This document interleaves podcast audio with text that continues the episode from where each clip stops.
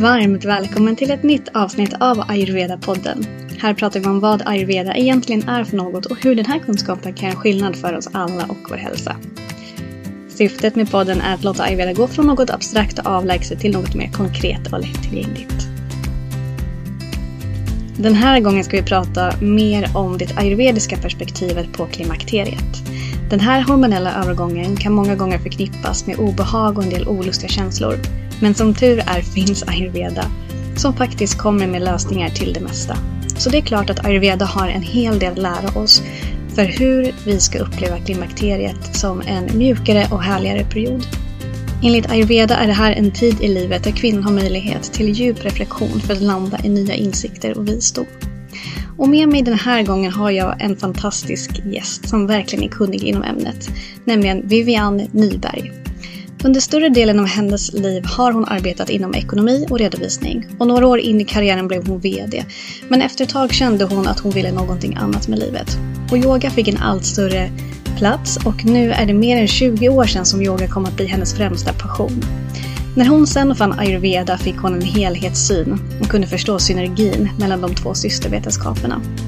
Därefter grundade Vivian Ayur Yoga Academy som erbjuder utbildningar och kurser som är utvecklade för att guida dig genom olika faser i livet. Oavsett om du vill bli en autentisk, medveten yogalärare eller finna en kraftfull och balanserad väg till dina livsmål. Det blev verkligen ett fint samtal med Vivian som så generöst delar med sig av den kunskap som hon har. Jag hoppas att du kommer finna det här avsnittet väldigt givande. Och jag som pratar heter Johanna Mård.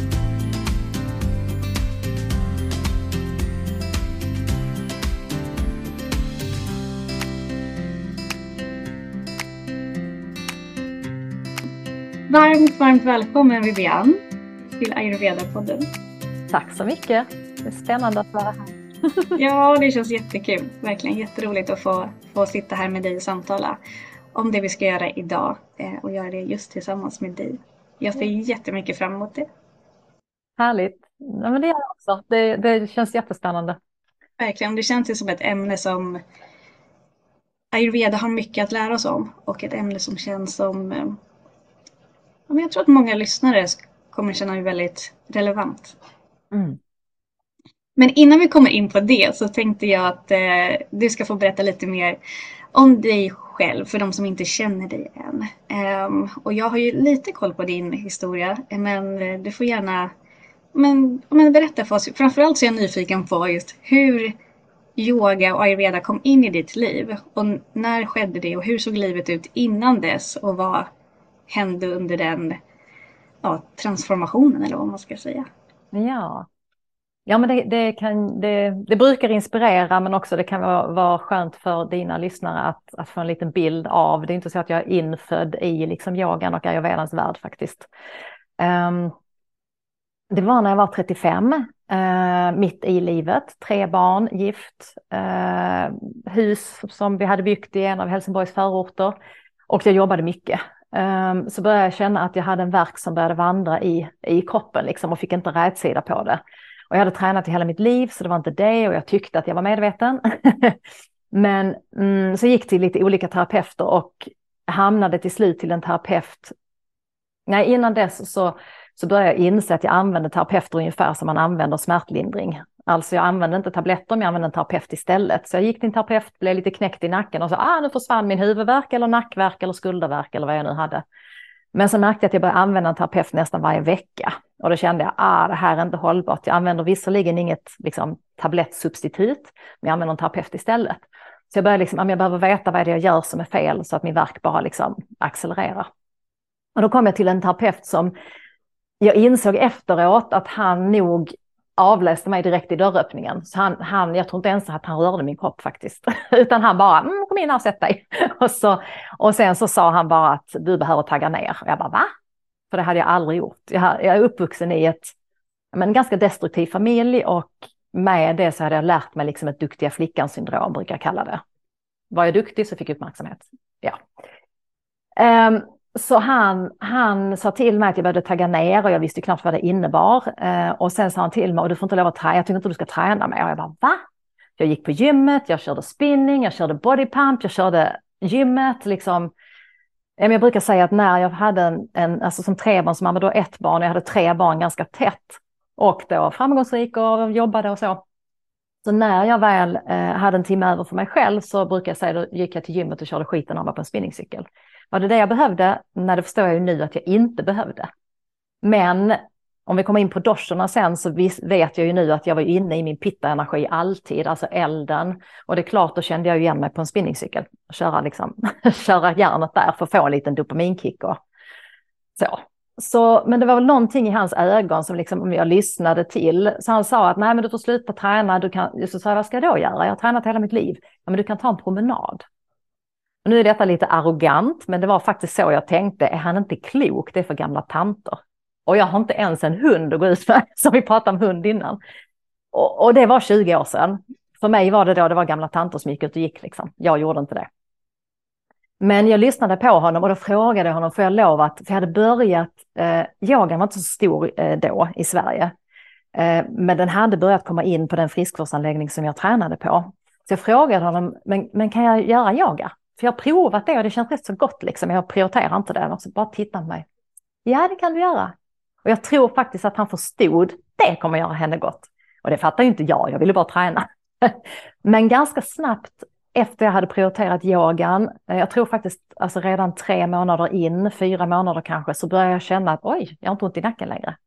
Så att mm. jag fick en ganska, ganska snabb smärtlindring um, och hela mitt system började tagga ner. Så det var egentligen inte yogan som fysisk träning som gav mig så mycket, utan det var liksom det här inne helt omedvetet, för jag var inte medveten, inte så medveten i alla fall på den tiden. Vad var det som hände där inne då? Vad var det som... Ja, alltså det kröp sig på liksom att jag blev lugnare för det första. Jag eh, började bli mer sann mot mig själv. Jag hade varit mycket, jag ska inte säga, alltså inte en, en ja-sägare på det sättet att jag gick med på allt möjligt, men, men jag lyssnade väldigt lite på mina egna behov eller ännu mer mina egna önskningar. Utan jag mm. var väldigt mycket till hands för allt och alla. Det är lätt att man blir när man är mamma. Jag menar, det är ingenting jag ångrar. Jag älskar mina barn över allt annat. Men, men allt annat också. Jag, hade liksom, jag var van vid, jag var uppvuxen i liksom att ja, men är jag smidig och som en kameleont att jag liksom, ja, men inte är så mycket besvär. Så att det började jag få titta på liksom mina egna djupare mönster faktiskt. Det var inte så enkelt kanske. Jag hade levt så i 35 år. men, men jag började liksom bli mer sann mot mig själv och jag kände att mitt system började, började liksom sakta men säkert tagga ner och då smärtan lindrades, rent fysiska liksom symptom. Um, och jag tror många kan, kan, kan känna igen sig i det, inte just de sakerna, men just att ah, är det yogan påverkar den här på djupet på något sätt. Och när du säger på djupet så, så lägger du händerna över hjärtat, liksom där Ja men absolut, jag var ju väldigt mycket uppe i mitt huvud. Alltså jag var duktig, jag presterade mycket, hade gjort i många, många år. Eh, hade mycket strategier för att liksom klara av livet och så. Det är inte så att jag inte var i mitt hjärta för att jag la mycket tid på mina barn, jag la mycket tid på min familj och så. Men, men det var någonting som hände här, liksom att mer självkänsla, mer självkärlek, mer ta hand om mig själv. Eh, tillsammans med att rådda det i en familj såklart och allt annat som var. Liksom. Men ja, nej, men det hände någonting här inne. så. Jag brukar säga det nu när jag utbildar att det är liksom den längsta motorvägen, det tar sig härifrån och ner dit. Mm, från huvudet alltså, ner till hjärtat. Ja, det är mm. faktiskt den, den mest komplicerade vägen. Mm. Upplever jag. och där har vi ju yoga som hjälper oss med det. Ja men absolut. Som vägleder oss att hitta liksom ja, men verkligen hitta kontakten med vårt eget hjärta. Ja. Att mm. vara i kontakt med vårt eget hjärta, låta det leda oss, låta det få lov att tala, för det är här vi har vår inre röst, det är här vi har våra drömmar, de är inte här uppe. Vi kan ju skapa strategier för sen att nå dem kanske, men det är här de, de, liksom, de bor. Och din inre önskan och själen och allt, allt liksom. Jag säger inte att hjärnan inte är bra, det är ett bra verktyg för mig, men, men det är liksom, den kan också skruva till det för mig. Riktigt. så, så att liksom komma ner här, att verkligen känna, känna in, lyssna in, lyssna på min inre röst, min djupare visdom som är bortom tanke liksom. Ehm, den skulle jag nog säga att jag fick kontakt med.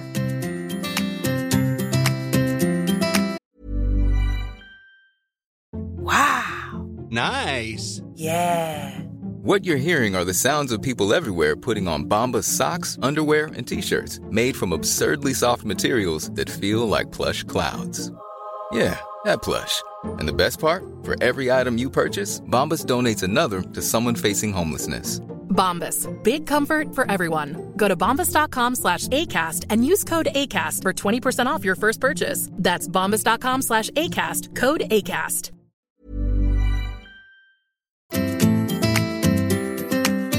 Och sen ganska snart därefter så blev jag tillfrågad att hålla yogaklasser.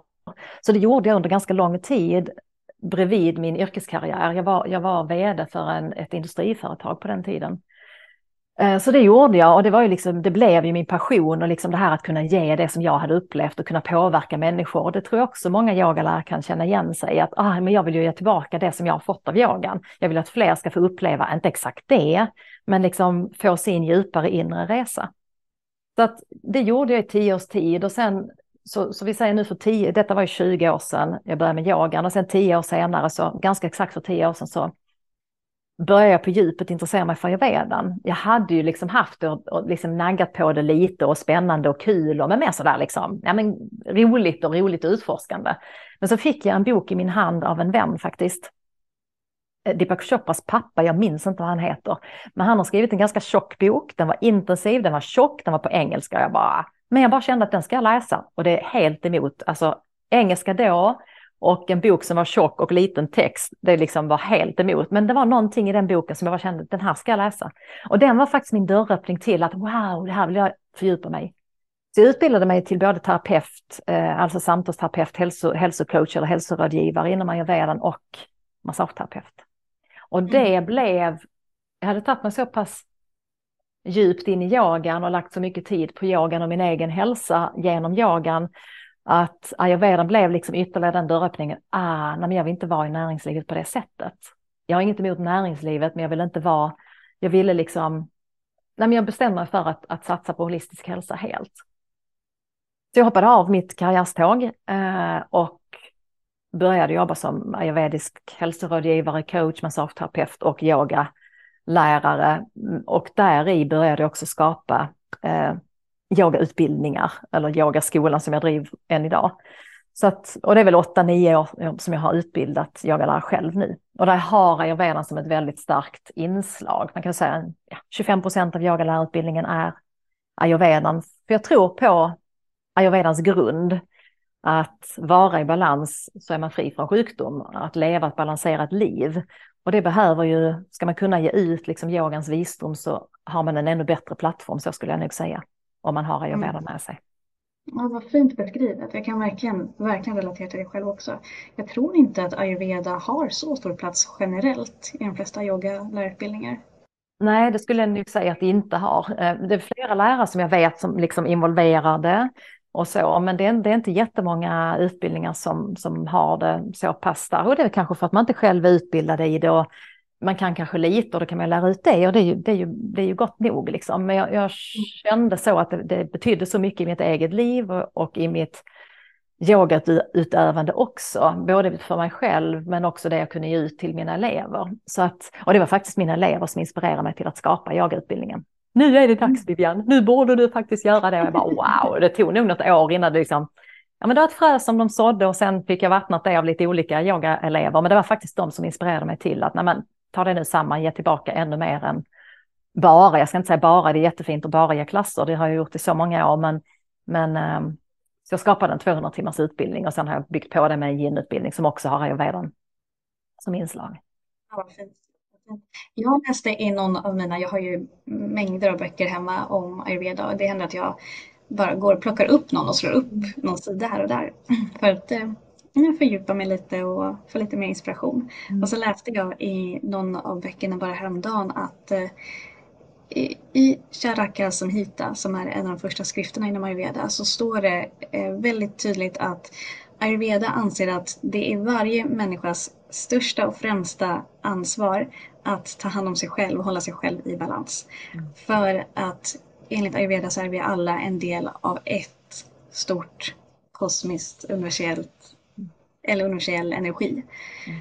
Så det här med att jag tycker det är så fint att du lät ayurveda ta en så stor plats i din yogalärarutbildning av den anledningen också. För jag upplever ju själv att ayurveda är verkligen det som har, om hjälper mig att hålla mig i balans.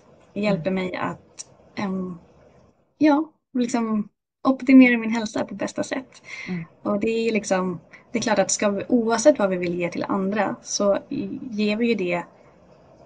Det är lättare att ge till andra när vi själva är i balans. Mm.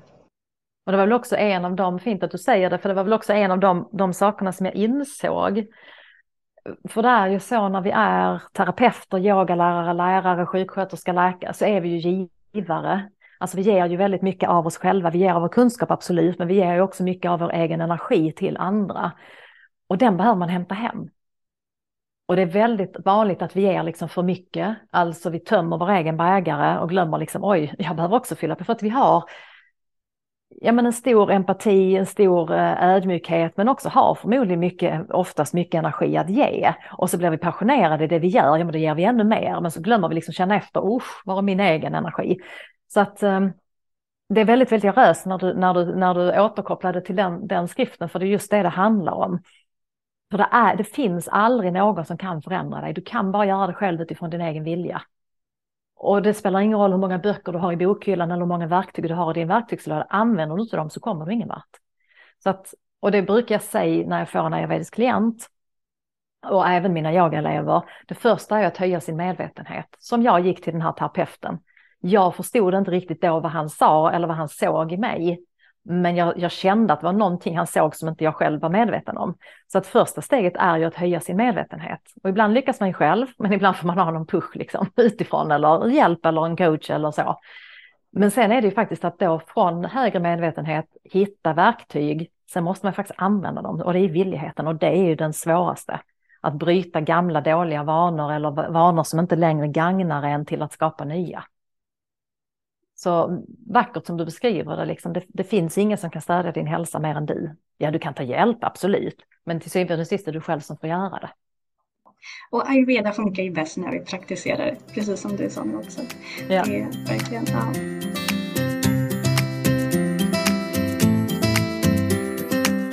Okej, jag tänkte att vi kommer in på dagens ämne. Ja.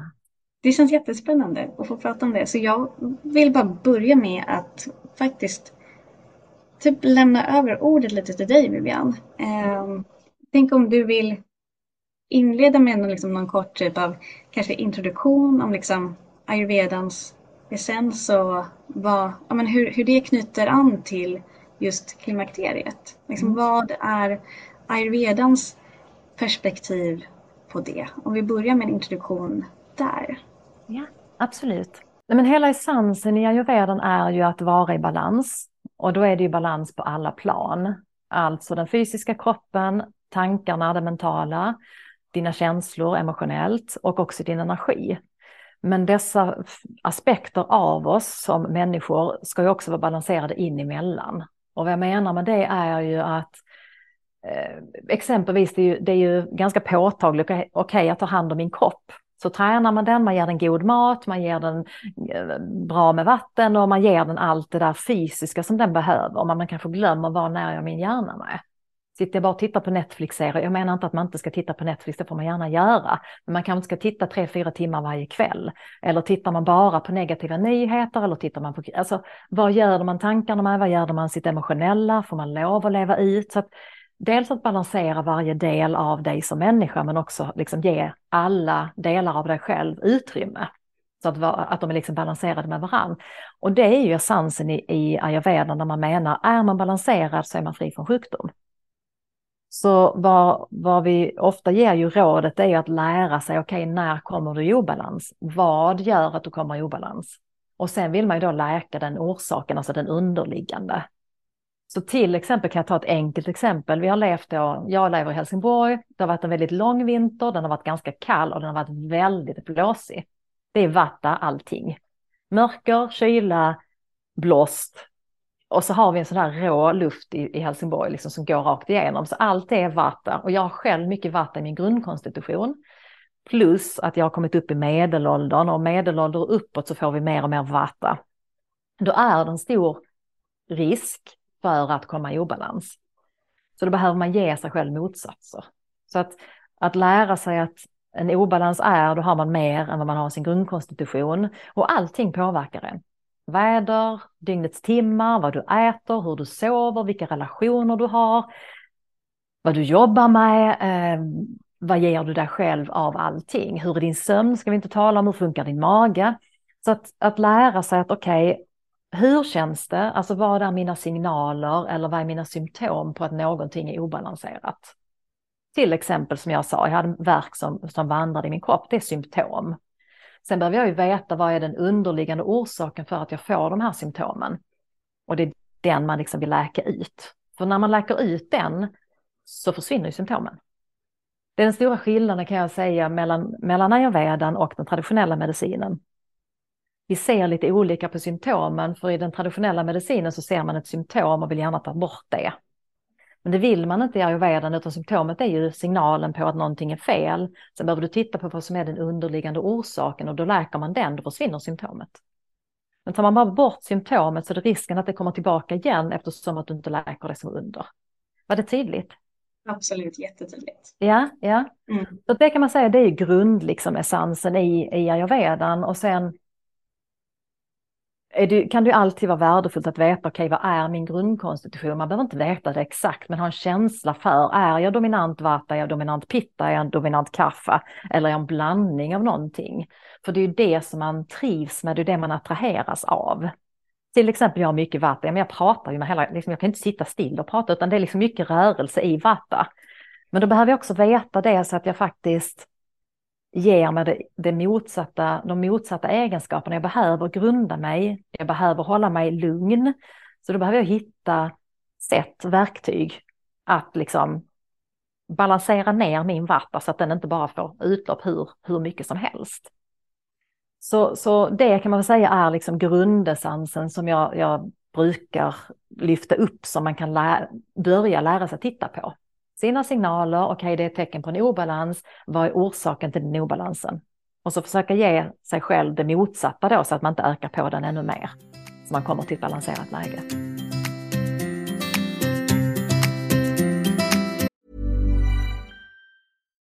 Life is full of what ifs. Some awesome. Like what if AI could fold your laundry? And some, well, less awesome. Like what if you have unexpected medical costs? United Healthcare can help get you covered with Health Protector Guard fixed indemnity insurance plans. They supplement your primary plan to help you manage out of pocket costs. No deductibles, no enrollment periods, and especially no more what ifs. Visit uh1.com to find the Health Protector Guard plan for you. There's never been a faster or easier way to start your weight loss journey than with PlushCare. PlushCare accepts most insurance plans and gives you online access to board-certified physicians who can prescribe FDA-approved weight loss medications like Wigovi and Zepbound for those who qualify. Take charge of your health and speak with a board-certified physician about a weight loss plan that's right for you. Get started today at plushcare.com slash weight loss. That's plushcare.com slash weight loss. plushcare.com slash weight loss.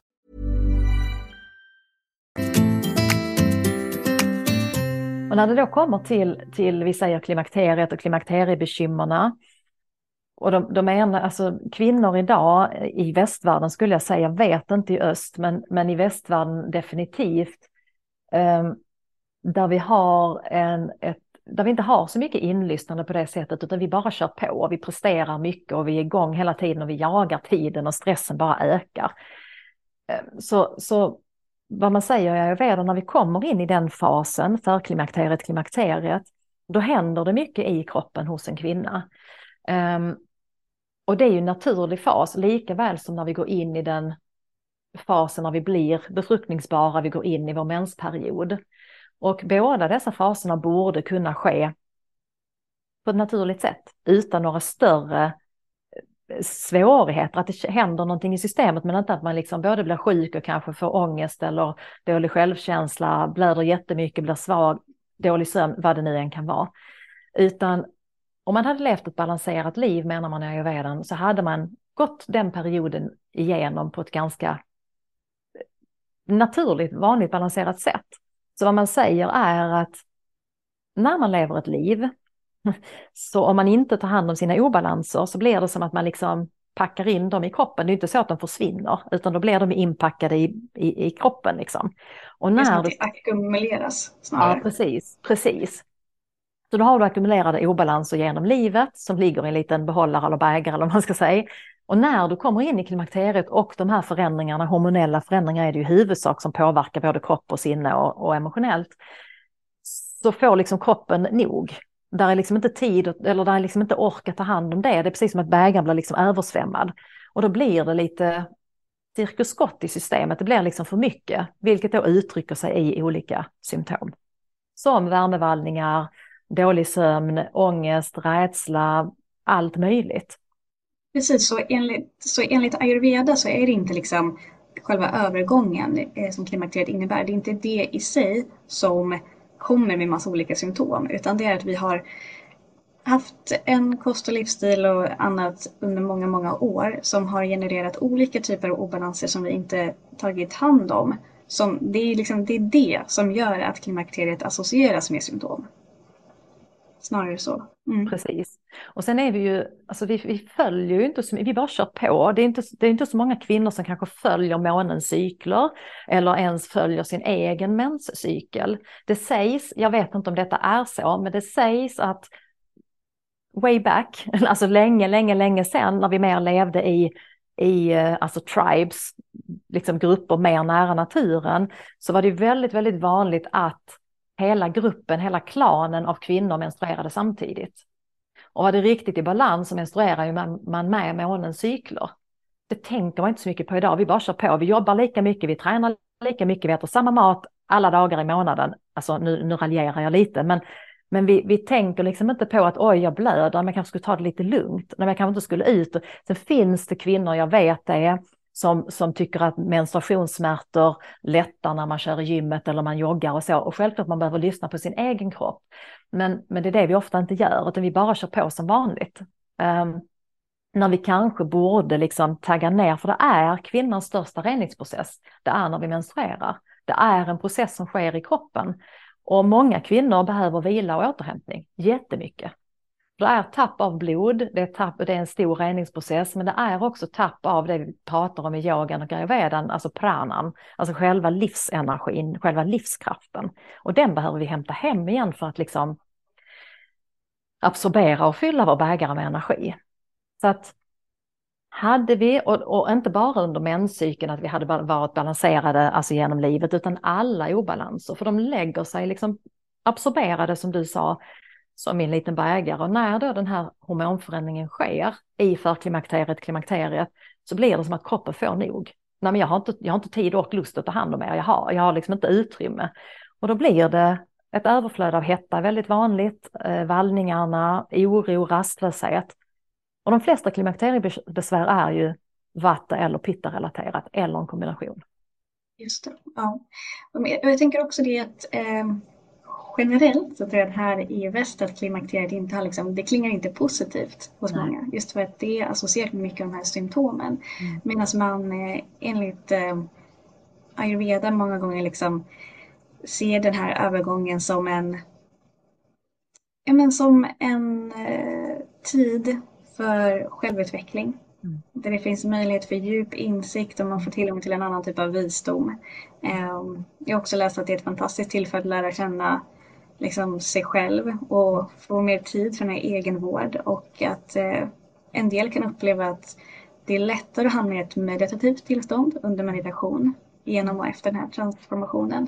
Mm. Att det är mer som en era av liksom, visdom. Eh, och man har ju redan Eh, många gånger om man tittar på liksom livshjulet så har man haft en väldigt produktiv period bakom sig med liksom den här pitta-eran i livet. Eh, och man har ja, men presterat och man har satsat på kanske karriär och, liksom, och man har också byggt de här meningsfulla relationerna som man behöver. Så när den här tiden kommer så finns det mycket att, att skörda snarare. Och energin kan spenderas på, på nytt sätt. Mm. och det finns liksom nya möjligheter till att ja, spendera sin energi och, och, tid. Och jag tycker att det, när jag, när jag liksom när jag har läst allt det så känns det som att men gud, klimakteriet är någonting att se fram emot. Det där vill man ju ha mer av snarare. Det låter ju fantastiskt utifrån det, utifrån det perspektivet. Mm. Precis, och, och tittar man på det Alltså vi går in i vata, åldersmässigt går vi in i vata doshan, någonstans medelålder, man brukar säga någonstans 50-55. Sen får man mer och mer vata ju äldre man blir. Och och, och där är precis som du säger, i många skrifter så står det, det är liksom the, the wise woman, det, det, är hennes tid. För då har hon hela livets erfarenheter med sig, inklusive hur det är att föda ett nytt liv och uppfostra den och alltså hel, alla de faserna. Så att det är då hon, som du säger, ska kunna skörda, kunna ge sig själv tid, självreflektion, titta inåt. Men vad gör vi här? Nej, men vi kör ju på som vanligt. Dessutom ska vi säkert vara inte bara goda mödrar utan goda mormödrar. Så att vi har liksom fått en liten snedvriden bild. Plus då det här som jag tycker faktiskt är väldigt, väldigt sorgligt, det är att det är så mycket skällsord när det gäller klimakterie. Klimakteriekärring och hon är ditten och hon är datten och hon är bresig och hon är sur och hon är torr och hon är allt vad hon är. Vilket är fruktansvärt sorgligt för att det händer väldigt mycket i kvinnans kropp. Det händer inte jättemycket i mannens kropp i klimakteriet. Han kan också få problematik i den åldern, absolut. Men det händer fruktansvärt mycket mer i kvinnan för att hon är den som föder näst, alltså ett nästa liv. Det är hon som har den här reningsprocessen hela tiden, eh, eller genom sin vuxna liv. Och det är en stor förändring när östrogen och progesteron sjunker. Det händer otroligt mycket med de inre organen, med kroppen, med ämnesomsättningen och just för att hon egentligen ska liksom gå mer inåt, att liksom vara mer i sin Big Mama-roll, liksom inta den. Men istället har vi gjort det till någonting som är fel och tjurigt och sjukvården förstår inte och arbetsgivare förstår inte och kvinnan ska sträva lika mycket som mannen. Och det, det är väldigt, väldigt snedvridet. Och sen, sen är det ju, det är ju otroligt vanligt att kvinnor lider fruktansvärt mycket, både i det tysta och i det uttalade. Men också får de här skällsorden ovanpå, liksom, istället för att få stöd och liksom, gå hem och vila eller ha, ha har möjlighet att sjukskriva dig eller vad det nu än är, så är det liksom att man istället bara försöker få näsan över vattenytan, tyvärr. Mm. Mm. Och jag tänker också när jag lyssnar på dig och mig när vi sitter och pratar här så tänker jag att eh, syftet med det här, eh, det här poddavsnittet är ju inte att vi tänker att, eh, för det, det vi har nämnt är att eh, Många symptom i klimakteriet kan bero på obalanser som man inte tagit eh, hand om tidigare i livet och att man inte liksom ta den här tiden eh, till att verkligen vända blicken inåt och liksom reflektion och liksom ta det lugnt i andra områden av livet. Men med det sagt så vet ju vi att vi kan ju inte spola tillbaka tiden och ta hand om obalanser som redan har ägt rum. Och det är inte heller alltid möjligt att liksom trycka på pausknappen när vi hamnar i klimakteriet. Så jag tänker liksom trots det eh, så finns det ju jättemycket som ayurveda kan hjälpa oss med för att få en mjukare eh, övergång helt enkelt. Så det är det vi ska komma in på här nu. Mm. För vi vet ju som sagt att eh, ja, eh, oavsett hur det sett ut för dig tidigare i livet eh, så finns det jättemycket du kan göra nu ändå. Och det är samma sak där, så att vi inte gör det till negativt, utan bara så, ja men höjer blicken, ja men just det, det är ingen sjukdom, men det är symptom för det händer mycket. Men det, det som är positivt är ju att det är så mycket vi kan göra själva.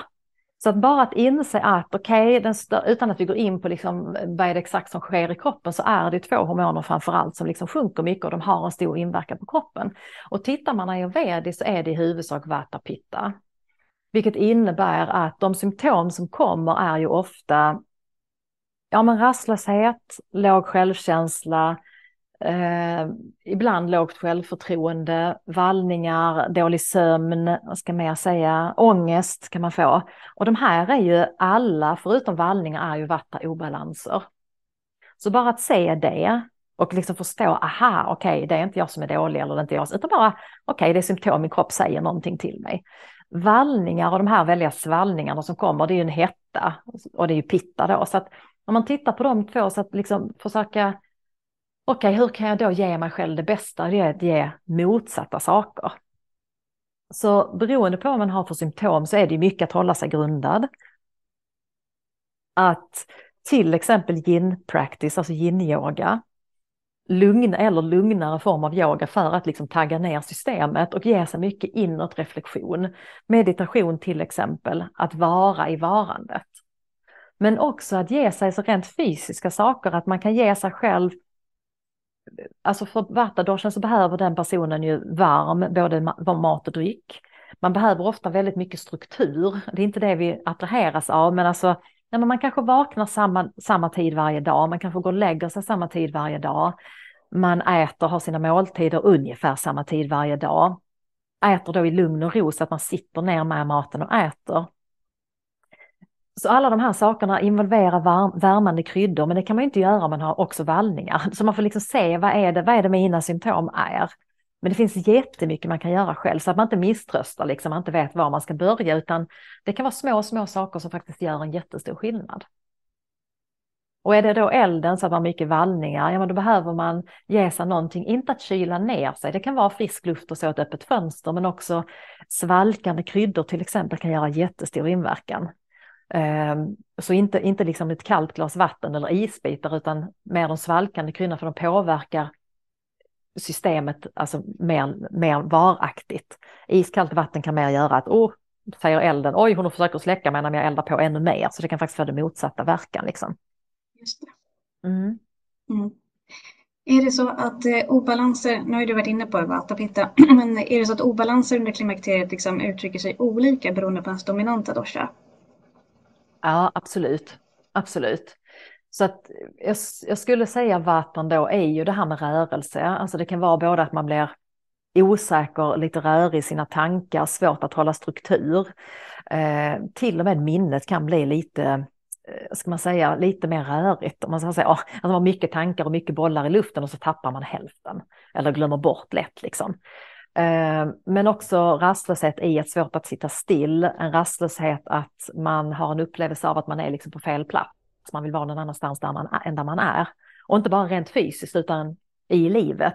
Så det är väldigt, väldigt många kvinnor som går in i klimakteriet som verkligen ifrågasätter livet. Och det tycker jag är positivt i och för sig. Men om det blir för djupt så att man faktiskt ifrågasätter vad livet handlar om så, så, så det är sin sak om man vill söka efter en större mening för det har, det har ju en del i det här med att man inåt reflekterande. Men så att det inte sen skapar en rädsla eller en omotivering till att det är meningslöst och så. Eh, så att allting som har med rörelse att göra kan man säga. Och sen den väldigt vanliga symptomet när det gäller vata är ju att man vaknar, man kanske somnar gott på natten, men man vaknar någonstans vid två, halv tre på natten.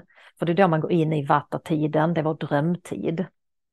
Och då att man kanske fullt med tankar i huvudet på en gång, man rastas i kroppen, man ligger och snurrar i sängen och man är omöjligt att somna om. Så ligger man där och snurrar i två, tre timmar och sen somnar man vid fem någonstans. Och det föder ganska mycket och föder ganska mycket frustration och mycket ängslighet kan, kan, det, kan det också väcka. Och framför allt sen om man har det över tid så är det ju sömnen är så viktig. Den är ju den, den parameter som, som faktiskt knäcker oss lättast som människor liksom. Och också taggar på att självförtroende och, och självkänsla och så.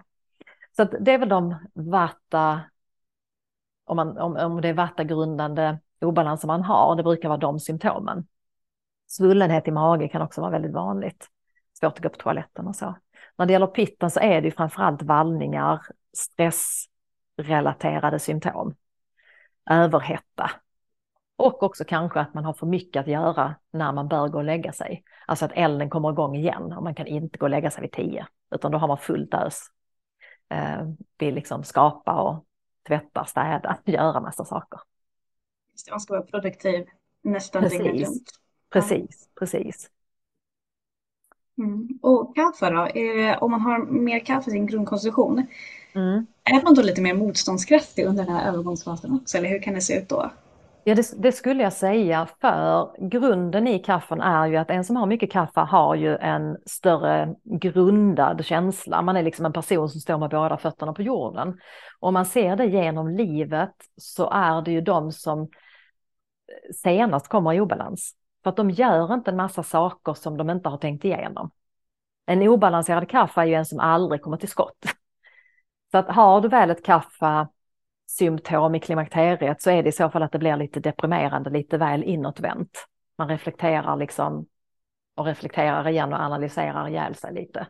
Men det är inte jättevanligt, det är mest vatten och pitta som driver klimakteriebekymren. Och sen är det så oavsett grundkonstitution så får vi ju alla en förhöjning av vata pitta under den här övergången. Ja, absolut.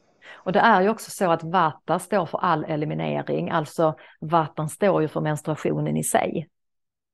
Och själva blodet och skapandet av blod är pittan, så att även där har vi liksom doshorna som kommer igen. Så att därför, och därmed inte sagt att inte en, en dominant kaffa kan komma in i klimakteriet, absolut, men det är inte lika vanligt. Just det. Jag läste också att någonting som är extra bra att se över under den här eh, fasen är Odjas och Agni. Känner du igen det? Mm, absolut. Odjas är ju liksom livselixiret och inom ayurvedan så vill vi ju liksom samla på oss och, och bygga på så mycket Odjas som möjligt. Och det lilla, lilla spädbarnet är fullt av Odjas för den kommer ju liksom, om vi tänker att vi är alla någonting av en större helhet så kommer ju barnet från en renare värld och kommer liksom från den större helheten, den större energin. Så när den kommer in till vår fysiska värld, i en fysisk kropp, så är den ju fylld av Odjas. Sen blir den lite kantstött på vägen efter vi vuxna eller samhället formar den liksom. Så att man brukar alltid prata om genom en livstid att försöka liksom absorbera och fånga mer och mer Odjas. Um, och det gör man ju genom sin livsstil. Genom vilka val du gör i ditt ätande, i relationer, i sovtider, hur mycket självkärlek ger du till dig och, och all, all, hela din livsstil kan man säga. Och det är den som liksom sinar på livets gång och framförallt om du är i obalanser, när du inte mår som bäst. Så det är därför ayurvedan är så vacker tycker jag. Så ju, ju tidigare, och även om det är små, små saker man kan ta till, så kan man verkligen förbättra sin medvetenhet, sitt, sitt hälsotillstånd och sitt, sitt välbefinnande. Och ju mer man har det med sig genom livet, desto, desto lättare går man genom klimakteriet skulle jag säga och behåller sin odjas eller fyller på den. Kan du ge några, några konkreta exempel på saker man kan äta eller saker man kan göra i sin vardag för att liksom fylla på? Mm regelbundet ha någon form av practice som, som, som faktiskt stärker din självkänsla. Alltså där du, där du rent ger dig självkärlek. Och det behöver inte vara liksom, åh jag ska åka på spa en gång i veckan eller, alltså det behöver inte vara liksom hela dagar, men, men det här lilla att ge dig själv liksom compassion. Okej, okay, det kan vara som tax, tacksamhet. Vad är du tacksam för mot dig själv varje dag? Vad har du gjort för några goda handlingar? För det boostar ditt eget system på ett energiplan och också ett emotionellt plan. Det är en sak, att umgås med små barn. Jättebra kanal att, att samla odjas. och alltså, det är inte att vi knycker, det är bara det att man smittas av de här små spädbarn till lekfulla barn. Som liksom, och vara i lekfullhet, det är väldigt mycket odjas. Alltså, vi tappar ju det på den vuxna vägen, liksom. de allra flesta tappar mycket av sin lekfullhet. Så att koppla tillbaka till när vi hade mycket, mycket odjas, alltså, alltså de, de aktiviteterna men också genom att äta så ren mat som möjligt, så lite processad som möjligt, så färsk som möjligt eh, fyller på din, liksom, ditt livselixir. Att eh, minimera alkoholintag, nikotin, annat beroende liksom. Även eh, rent alltså, toxiska beteendemönster, toxiska eh, inslag som du föder hjärnan med i form av ja, men skräckfilmer till exempel, eller alltså allting som är destruktivt och negativt och mörkt, att minimera det så att du får ett mer, ja, mer sattva, alltså ett ljust, att du fyller på mer med ljus. Um, så den typen så att du får din, din energi till att vara så livsberikande som möjligt, så vital som möjligt. Visst, och jag, tänker, jag ser Odjas också som någon typ av golden shield, alltså någon typ av mm. liksom, följer nästan som ånger i kroppen. Eh, Och jag tänker att det är liksom, ju mer odjas desto mer motståndskraftiga är vi. Och det är väl någonting som verkligen, kanske därför det är bra liksom fylla på med det under klimakteriet. Eh, för att liksom, det hjälper oss att också vara ännu mer i balans och motståndskraftig mot de här förändringarna som, som sker så att det inte, det inte blir lika påtagligt, så att det inte kommer med lika många symptom.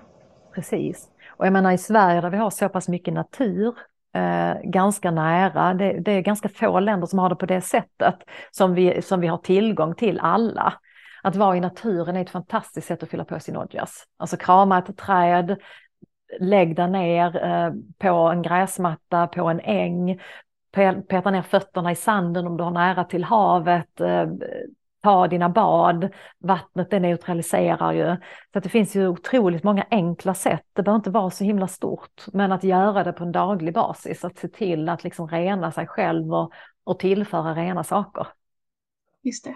I sitt så, precis, rena sig själv, tillföra rena saker när det kommer till kost och näring eh, och göra saker som man känner fyller dig med, eh, ja men liksom fyller dig med livselixir som mm. ger dig liksom glädje, ren kärlek. Eh, Precis. Det kommer att göra dig mer motståndskraftig för att det ja, förhöjer din odjas, ger dig mer ja. odjas. Ja. Ja. Och sen det andra som jag var inne på var med Agni. Att det är särskilt bra att vara lite extra Eh, uppmärksam på din Agni under den här transformationen. Eh, och det är väl eh, ja, men för att en, en sund balanserad Agni är ju grunden till i princip hela vår hälsa eh, också, eller en stor del av hela vår hälsa i alla fall. Så, eh, och, och, det väl, kan det vara så att vår Agni rent naturligt blir lite svagare under den här perioden och framförallt ju längre man lever i livet, ju äldre man blir desto svagare blir din Agni också. Mm. Så därför är det också då särskilt bra att ha lite extra koll eh, på din Agni under den här tiden för att ge den lite mer uppmärksamhet och om den inte brinner så bra som den skulle kunna göra, göra små justeringar för att få igång din Agni för att det kommer också hjälpa dig att ja, inte uppleva lika mycket symptom under den här tiden. Mm, absolut. Och, och, vi säger ju det i ayurvedan, maten är ju otroligt viktig, maten är vår medicin. Men ännu viktigare än att maten är vår medicin är ju faktiskt hur din agni, alltså din eld, brinner. För brinner den för kraftfullt, alltså för mycket pitta, så är det ju alltid en risk att du eh, har en för kraftfull eh, eh matsmältning och då bryts maten ner för snabbt och den åker ut för snabbt så man kanske springer på toaletten flera gånger om dagen. Och då hinner kanske inte kroppen och dina vävnader ta upp näringen. När det gäller vata så är det ofta att man då är förstoppad, kanske inte går på toaletten varje dag. Och då finns det en risk att maten ligger kvar för länge i systemet och skapar slaggprodukter och till slut gifter som letar sig tillbaka in i dina reningskanaler och så. Så att, att, att ha sin agni lagom brinnande, alltså vårt mål är ju att man går på toaletten en gång om dagen, möjligen två, och det ska ske på morgonen, för efter reningsprocessen under natten.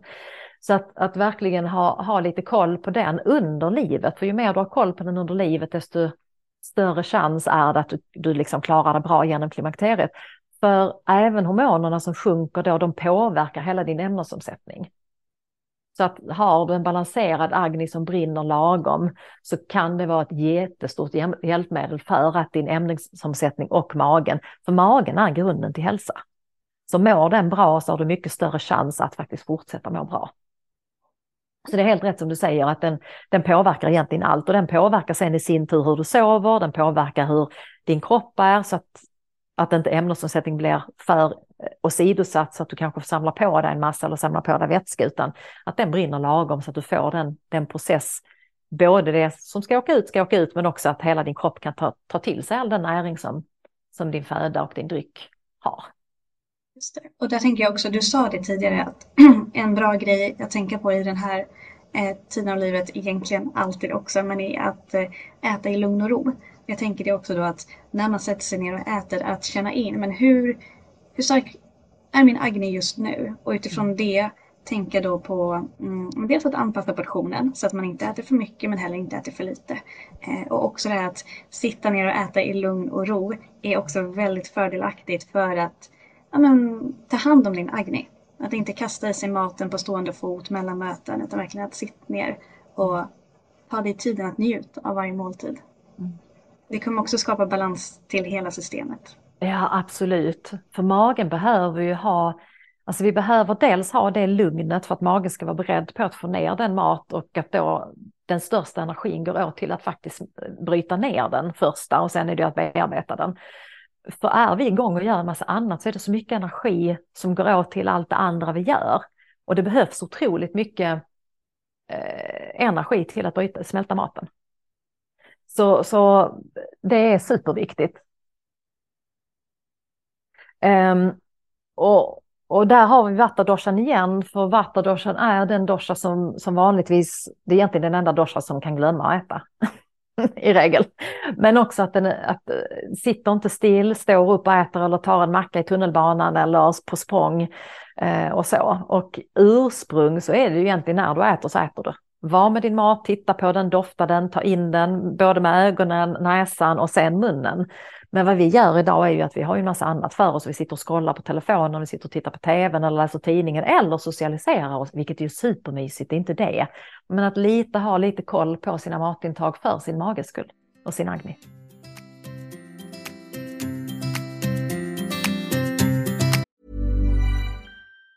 Have catch yourself eating the same flavorless dinner three days in a row?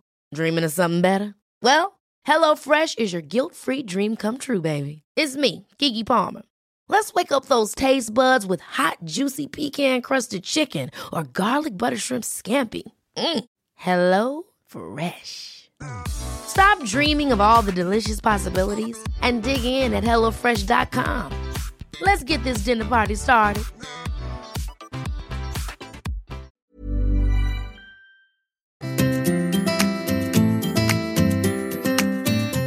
Jag tänker att vi ska komma in, vi har ju varit inne på det under hela avsnittet egentligen, men om vi ska här, börja sammanfatta lite och, och så här, konkretisera det. Vad kan man göra då? Vad är det ayurveda ger oss för um, men, insikter, råd för mm. att vi ska må så bra som möjligt och få en mjukare övergång när vi kommer till klimakteriet? Ja, jag skulle säga det första tycker jag skulle jag vilja ge råd till alla kvinnor, det är att det är inget fel på dem även de yngre kvinnorna som, som börjar komma in i förklimakteriet. Det är en helt naturlig fas. Det sker mycket i liksom kroppen och systemet. Kan man sedan inse att och förstå att ah, är det obalanser som jag inte har balanserat upp, ja, men då behöver jag titta på dem. Så att se det bara som helt enkelt symptom. Din kropp talar om någonting för dig. Och sen försöka kartlägga vad är det för symptom jag har och då ge motsatta egenskaper. Så är det hetta så är det svalka du behöver ge. Är det magen som inte fungerar, ägna dig åt att, att få din, din agni att brinna lagom. Brinner den för mycket, då behöver du tillföra svalkande kryddor. Brinner den för långsamt så behöver du lite starka, starka kryddor. Eh, sömnen finns jättemycket att göra för sömnen så att man verkligen sover gott. Och den är den som knäcker oss fortast, alltså får oss att bli tveksamma på oss själva. Var jag på väg? Vad gör jag med livet? Är jag god nog? Eller allt vad vi kan ha. Och jag tänker den yngre kvinnan som kanske inte ens har symptom för förklimakteriet eller börjar få symptom på förklimakteriet också tänka på, okej, okay, kan jag ge mig själv ett mer balanserat liv? I alla hänseenden, men alltid börja smått. För när man ser effekten på små saker som man förändrar så brukar man kunna få inspiration till att faktiskt ta nästa steg. Så man inte tror att man ska göra om hela sitt liv, utan när man börjar titta på sömnen, börjar titta på magen och matsmältningen, alltså din agni-elden. Att man börjar kanske, den unga kvinnan börjar tidigare för att slippa klimakteriebesvär. Är man någonstans mitt i så titta på symptomen och ge sig då motsatt. Just det. Mm. Och väldigt vanligt är att ge sig själv tid. Reflektion, för då brukar man kunna koppla tillbaka till, okej okay, hur känns det verkligen, vad är det jag behöver? Och alltid mycket grundning och mycket inåtvänt, för, för innerst inne vet vi. Innerst inne så har vi egentligen alltid svar på vad det är vi behöver. Ja. Det är bara när vi hamnar kanske lite mycket upp i huvudet och kanske till och med lite utanför oss själva när vi tar in lite för mycket liksom det andra säger och andras agendor och eh, världen i sig som vi när man tappar bort den här kontakten med vårt hjärta där vi innerst inne egentligen har svaret på, på mm. alla våra frågor och liksom om vi bara kommer närmare oss själva så är det också lättare att vägleda sig själv till vad behöver jag just nu för att jag ska må bra nu. Och det kan ju också vara så att det jag behöver just nu eh, den här dagen till ja, men till lunch och som tempo eh, mm. kanske är någonting annat än vad jag behöver om en vecka. Så då, liksom att eh, ja, dagligen checka in med sig själv och känna efter ja. vad, vad skulle jag må bra av idag? Ja, det skulle jag säga. Och just att vara snälla mot oss själva. Alltså det är inget fel. Och även om då man in, vi inser att ja men okej, det är obalans jag har levt med hela livet, oj varför har jag gjort det, men det var det. Utan vara snälla mot oss själva, jag visste inte bättre fram till jag var 35 och sen har min medvetenhet och min kunskap växt. Så att försöka ta, vara snäll och också ta ett, ett liksom, ett redskap i taget och, och prioritera då, prioritera sömnen och prioritera magen, för det är så mycket som händer med det. Och man kan få de två aspekterna att komma i balans. Verkligen. Där man mycket när eller hur? Och när det kommer till att eh, ta hand om sin mage och sömnen eh, så har ju ayurveda enormt mycket kunskap att dela med sig av inom det. Mm. Och jag, när du pratar så kommer jag, jag kommer att tänka på eh, några av våra tidigare avsnitt faktiskt i ayurveda-podden som jag tror absolut kan, kan bidra i den här övergången också. Eh, och dels så tänker jag, för jag läste också någonstans att eh, de här dinacharya som är liksom de dagliga rutinerna som ayurveda eh, ger oss möjlighet att praktisera. Och så är det väldigt bra när vi vill eh, ja, men hålla oss i balans genom hela livet och då framförallt inom genom klimakteriet också. Så vi har ju ett avsnitt här, avsnitt eh, 18, som heter ayurvediska morgonrutiner, där vi går igenom Eh, alla då dina kära. Så om man inte har lyssnat på det så kan man gå tillbaka till det och liksom plocka upp liksom, men vad av det här känns som att jag skulle kunna få in i min vardag. För det syftet med de rutinerna är ju att rensa bort ama, vilket hjälper oss att hålla oss renare och också stärka din agni. Eh, samt att vända blicken inåt så att du får ett möte med dig själv varje morgon innan du går ut och möter resten av världen. Så det är ju någonting som jag tänker Ehm, och har läst är väldigt, väldigt bra för att hålla sig i balans även under den här eh, övergångsfasen också. Ehm, sen har vi också ett avsnitt som, där vi går igenom ayurvediska kvällsrutiner och det är avsnitt nummer 22. Så det tänkte jag också på. Ehm, just därför att där finns det också många knep om hur man kan, men framförallt eh, få en eh, man skönare eh, sömn där man känner sig mer utvilad dagen efter. Så det är det du har pratat om, liksom. Agni och sömnen eh, är två, två viktiga aspekter här. Mm. Fantastiskt att du har spelat in två stycken avsnitt på, på de två områdena, för jag skulle säga att de är de viktigaste. Jag menar det första som du säger, att vakna upp med en god energi och framför allt connecta med sig själv innan. För det är omöjligt skulle jag säga att mot, alltså stå emot alla intryck där ute, för de är där hela tiden. Så att, att, ha en god morgonrutin och sen kvällen så att man inte tar med sig alla intryck man har fått under dagen och alla processer och alla situationer och tar dem med sig in i sömnen. För då behöver du vara liksom så ren som möjligt och sen så processar ju både tankarna och känslorna processas ju under nattens gång. Men att man slipper ha en massa demoner och spöken med sig in där. Så att jättefint. Verkligen, verkligen. Och sen då om man, vi har också varit inne på det här, men det här om eh, om man inte är i klimakteriet än, om man är, eh, jag är ju 30, om man är liksom min ålder, finns det någonting man kan göra redan nu för att, eller oavsett vart man är, om man inte är i klimakteriet än, vad skulle du säga att man kan göra för att eh, liksom förebygga att det ska bli så, så mjuk och fin övergång som möjligt? Ja, men jag tycker det är en jättefin fråga som du säger, för det är så lätt att vi bara tar till eh, när skadan är där. Alltså då behöver vi brandsläcka. Och det är alltid svårare att backa tillbaka och läka en massa obalanser som jag kanske absorberat i 20 år. Utan jag tänker den unga kvinnan att, att, att höja medvetenheten lite och, och faktiskt försöka att balansera när man hittar en obalans. Och hitta rutiner och vanor i sitt liv som stödjer att du ska vara i balans så mycket du bara kan. Och det är ju en utmaning med tanke på att elden brinner som bäst. Man ska skaffa sig karriär, man ska skaffa sig säkert hus, hund, bil, barn, alltihopa. Man vill förverkliga sig själv, man vill resa sig i världen. Alltså, och det ska man göra för att det är då som elden brinner som bäst. Men att man också, åh, liksom, håll dig tillbaka, koppla alltid in till dig själv. Var, försök att ha så hög närvaro så att du faktiskt ser dina symptom så att du inte behöver krascha eller få större smärtor som jag hade i din kropp. Utan när symptomen kommer, har du huvudvärk och det har kommit tre dagar i rad eller det kommer huvudvärk varje lördag så är det ju tecken på att ah, det är någonting som är obalanserat.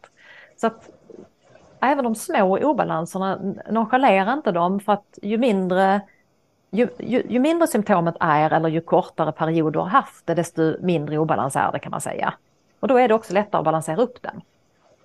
Att leva ett så balanserat liv som man kan. Sen ska man ha roligt såklart. Livet ska vara levande och, och liksom berikande. Men, men, att faktiskt liksom ha den där lilla loopen på alltid. Att inte bara vara liksom push och på framåt Nej. utan att hämta hem sig. Eh, ja. För, att, för, att, eh, precis, för att skapa den här balansen. Ja. Liksom, att vara ute i världen och checka in med sin egen inre värld. Ja. Så till exempel en ung kvinna att säga som, som du, du har ett barn, två barn. Ja men livet är ju intensivt, absolut, jag har varit där. Ehm, det är svårt att få till sin egen practice, det är svårt att få till sin egen tid. Men, men även till exempel vill man börja på morgonen försöka att ja, men, vakna tio minuter tidigare, innan alla andra vaknar. Eller alltså var man kan klämma in det, när är det lättast att du inte missar att ge dig själv en stund. Uh, det är så berikande Eh, när man väl ser att oj, så stor skillnad det skapar för mig själv, för min relation med mina barn, för att jag har mindre stress, för att, men i huvudsak för dig själv för att kunna hålla dig balanserad.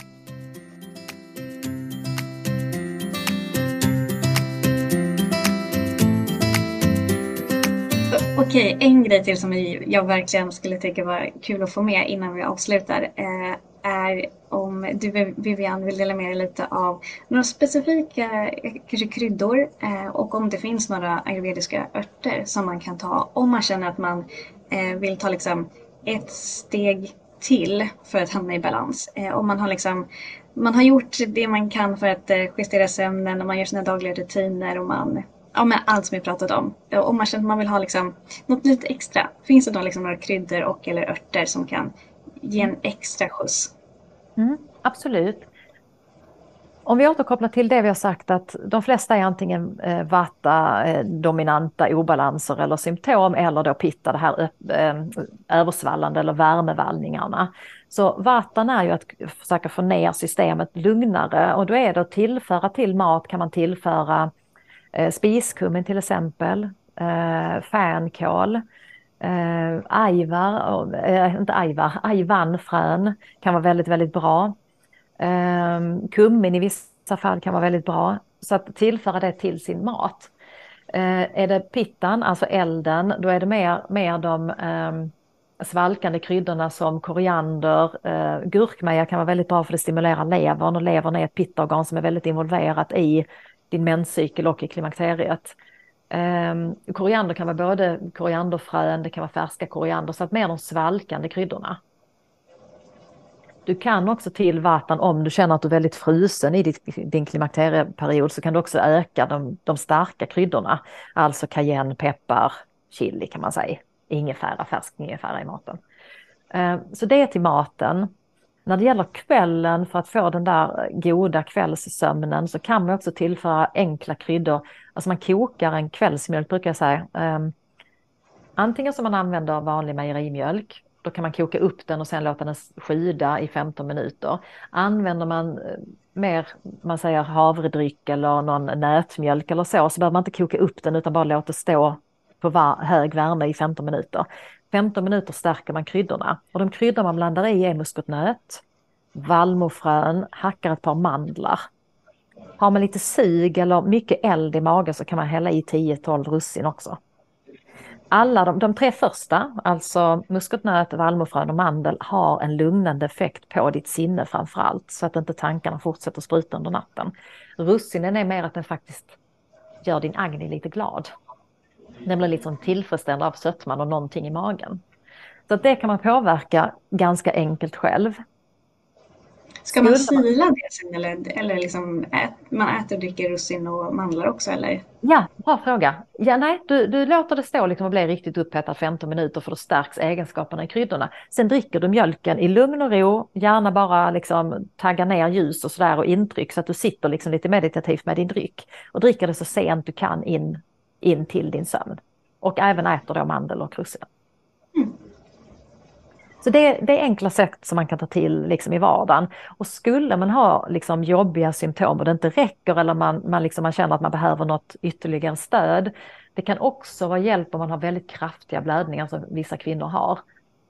Då finns det ett otroligt bra ayurvediskt preparat som heter Golden Transition. Det finns en etta, det finns en tvåa.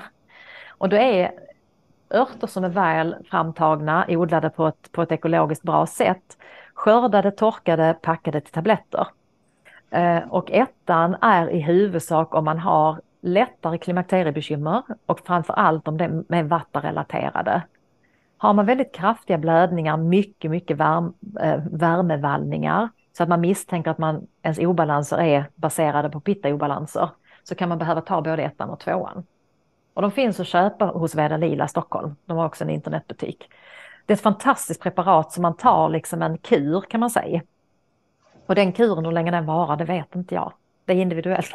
Det beror på hur djupa obalanser man har. Men man kan säga en kur från en till tre månader, så gör man uppehåll. Kommer de tillbaka kan man ta en kur igen och så. Man får gärna lov att de, alltså, skicka mig ett mejl eller ett PM på Facebook eller, eller Instagram om man liksom vill fråga först. Sen har de ju jättemycket kunskap just om de preparaten uppe på Veda Lila, men, men de får jättegärna lov att ta kontakt. Mm. Mm. Så det är mycket man kan göra själv, alltså rent i sina dagliga rutiner, men också tillföra kryddor, örter och då om man behöver mer stöd. Så, så de preparaten kan jag klart rekommendera.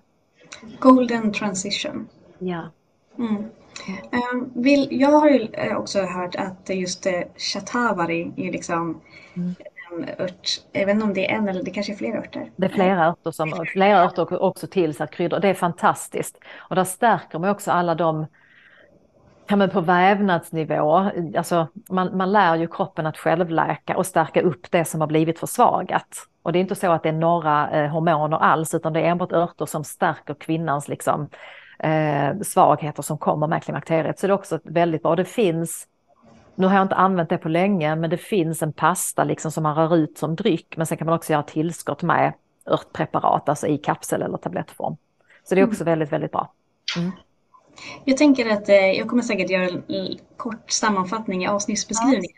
Eh, bara för att få med liksom några headlines och där kan jag skriva ut de här preparaten också. Och sen Ja. får man jättegärna, såklart vi rekommenderar alltid boka en konsultation med en hälsorådgivare om du känner dig lite vilsen eller bara läsa på med själv och känna efter. Så här, återigen gå till ditt eget hjärta. Tror jag att det här passar mig nu eller vad, vad känner jag att jag behöver? Ja. Så fint. Det här blev ett eh, långt avsnitt igen Vivian och jag känner som alltid att vi skulle kunna prata i typ tre timmar till om det här. Det känns det är som, så, ayurvedan är ju komplex och ska man försöka trappa ner det så att, att en, en person där ute kan, kan ta nytta av det. Så det hoppas jag att det har, har blivit. Ja, men det hoppas jag också. Jag tror det. Och eh, om du som lyssnar på det här, om det dyker upp eh, frågor hos dig när du lyssnar så skriv ner dem och hör av dig till mig eller Vivian för vi svarar jättegärna på frågor som dyker upp och fortsätter guida dig genom det här så att det ska bli så bekvämt som möjligt. Och jag tycker verkligen det var så fint som du sa Vivian, att liksom steg ett är liksom att bara att erkänna att du går igenom en transformation eh, och att det kommer vara påtagligt men det är absolut ingenting som är fel i det utan det är en transformation, det kommer kännas annorlunda och det finns grejer du kan göra för att det ska vara, ja men kännas lite mjukare ändå. Mm, Precis. Så att man inte misströstar. Verkligen inte. exakt. Utan det Ja. är mer hopp och, och ge sig själv mer. Ja, och lite som jag inledde där med liksom ayurvedans syn på det, att liksom, det är en fantastisk möjlighet för självutveckling och insikt och visdom och djup reflektion. Ja. Eh, och verkligen en, en möjlighet att liksom spendera din energi och eh, ja, men så småningom tid på, på, på nya sätt och verkligen gå inåt och känna så här, vad, vad vill jag med den här eran av mitt liv liksom, från och med nu och framåt. Mm. Mm. Toppen. Är det någonting mer du vill säga innan vi avslutar Vivian? Nej, men jag skulle nog säga att det, det även om klimakteriebekymren då är obalanser som vi har absorberat, att liksom bara ha det här hoppet att vi har en inre visdom, vi har en inre förmåga att läka så att alla obalanser går att, att, att balansera upp. Men också vara hoppfull och då bara vända blicken, att liksom berömma sig själv. Att man faktiskt har varit igenom en, en stor del av ens liv och, och ge sig själv, ja, men det, det är för att jag inte haft så stor kunskap då som jag har kommit här och min kropp reagerar på detta sättet. Men det finns så mycket man själv kan göra, göra och då framförallt ge sig grundning, inåt reflektion och, och självkärlek. Så man inte dömer sig själv utan tvärtom. Så att vi blir de här visa, visa vackra kvinnorna som har så mycket kunskap, för det har vi ju.